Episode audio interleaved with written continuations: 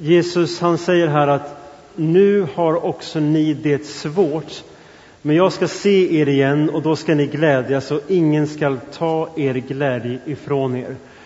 Om det finns någonting jag skulle lyfta fram en avslutande söndag då man talar om kriser, vi drabbas av det personligen och idag så kommer vi betona i högre grad, i mycket hög grad, vad som händer i en samhällelig storkris. Och vi har en gäst med oss som jag ska presentera i slutet ifrån riksdagens försvarsutskott.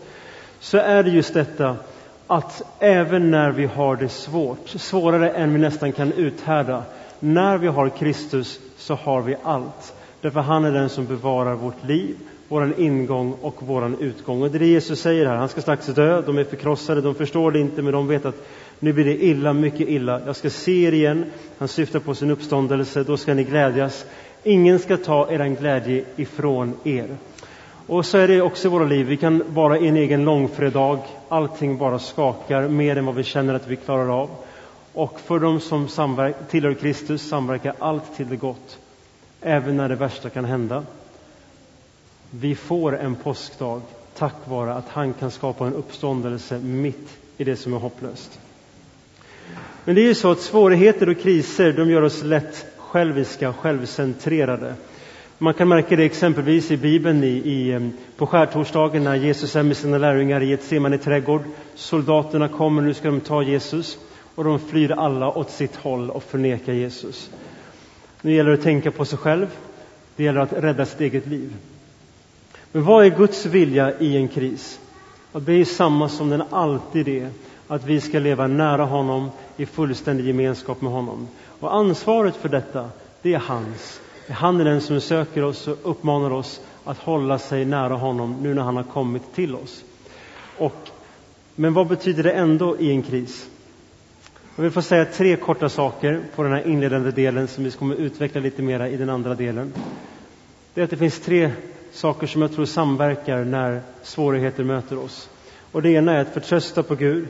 Det andra är att förbereda sig och det tredje det är att acceptera det som sker. Och en person i Bibeln som verkligen går igenom de här tre faserna det är Josef i Gamla Testamentet.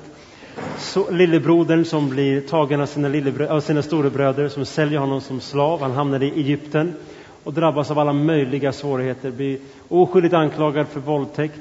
Han hamnar i fängelse, bland annat, och mycket mer därtill. Men angående förtröstan så står det så här om honom. Att nu så satt Josef i fängelse på grund av att han blev oskyldigt anklagad för våldtäkt.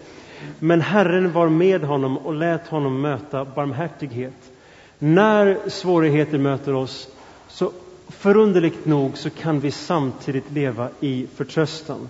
I Psaltaren 121 så står det att Herren skall bevara dig från allt ont. Han skall bevara din själ.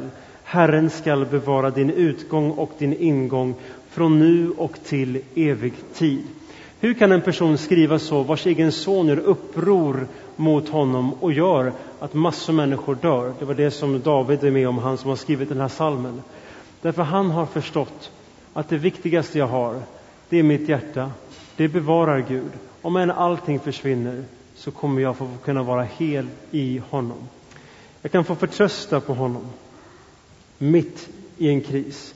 Men det andra är det här med att kunna förbereda sig. Och det är inte den lättaste frågan, särskilt inte idag, när vi kommer höra om hur faktiskt på många sätt mycket illa det är i det samhälleliga skyddet för befolkningen i händelse av en kris. Jag talar inte om det militära utan det rent civila. Med mat, sjukvård, hälsa, enkla basala saker. Vad är det då att förbereda sig? Ibland säger vi att ja, men jag lever med Jesus, mitt liv är i hans händer och det är ju gott. Men jag tror att de allra flesta av oss, vi låser ju samtidigt också dörren när vi går hemifrån ifrån vår lägenhet eller vår bostad. Är det också tecken på att inte lita på Gud, att man låser om sig exempelvis? Nej, det är det ju inte. Det är ju att man tar eget ansvar. Att lita på Gud, det är ingen undanflykt för att vara slarvig. Många som har gått i den fällan. Slarvat med sin ekonomi, och sagt jag förtröstar på Gud. Sen hamnar de i massor med problem. Var det Guds vilja? Josef som hamnade i fängelse blir sedan utsläppt och farao får en dröm där han drömmer om goda och dåliga år som ska hända. Och så säger Josef till, till farao på följande vis. Under de kommande goda åren så ska det ordnas att fogdarna samlar in livsmedel. I städerna ska de lägga upp spannmålsförråd som står till faraos förfogande, hålla lagren under bevakning och på det viset får Egypten ett förråd av livsmedel för de sju hungersåren som kommer över landet så att det inte dukar under för hungersnöden. Som kristen så vet vi att människan är både god och ond.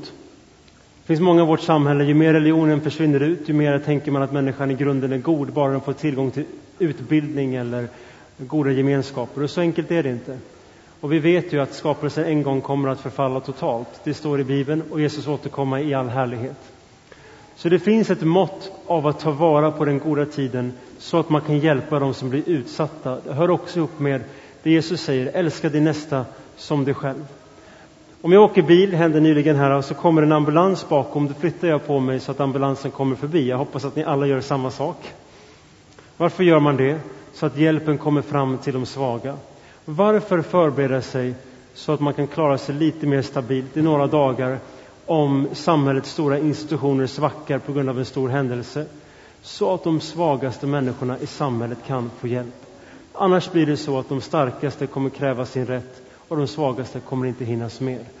Här tänker jag att det dubbla kärleksbudet, att älska både Gud och sin nästa, hjälper oss att inte behöva blunda för svårigheter som också kan komma. Vad är det? Ja, ja, ja sitt ner då gubben. Men det tredje är att acceptera det som sker. När Josef på ålderns höst har varit med om alla dessa svårigheter och hans bröder kommer till honom och tror att han ska döda dem eller hata dem och de ber om förlåtelse för att vi sålde dig som slav. Då säger han så här.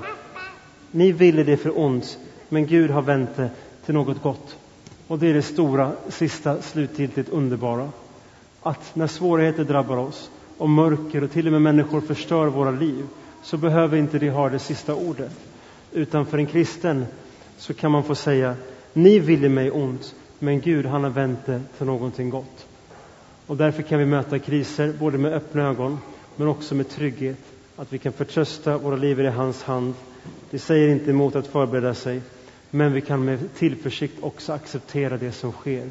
Därför vi tillhör Kristus och han tillhör oss och han är världens hopp. Amen.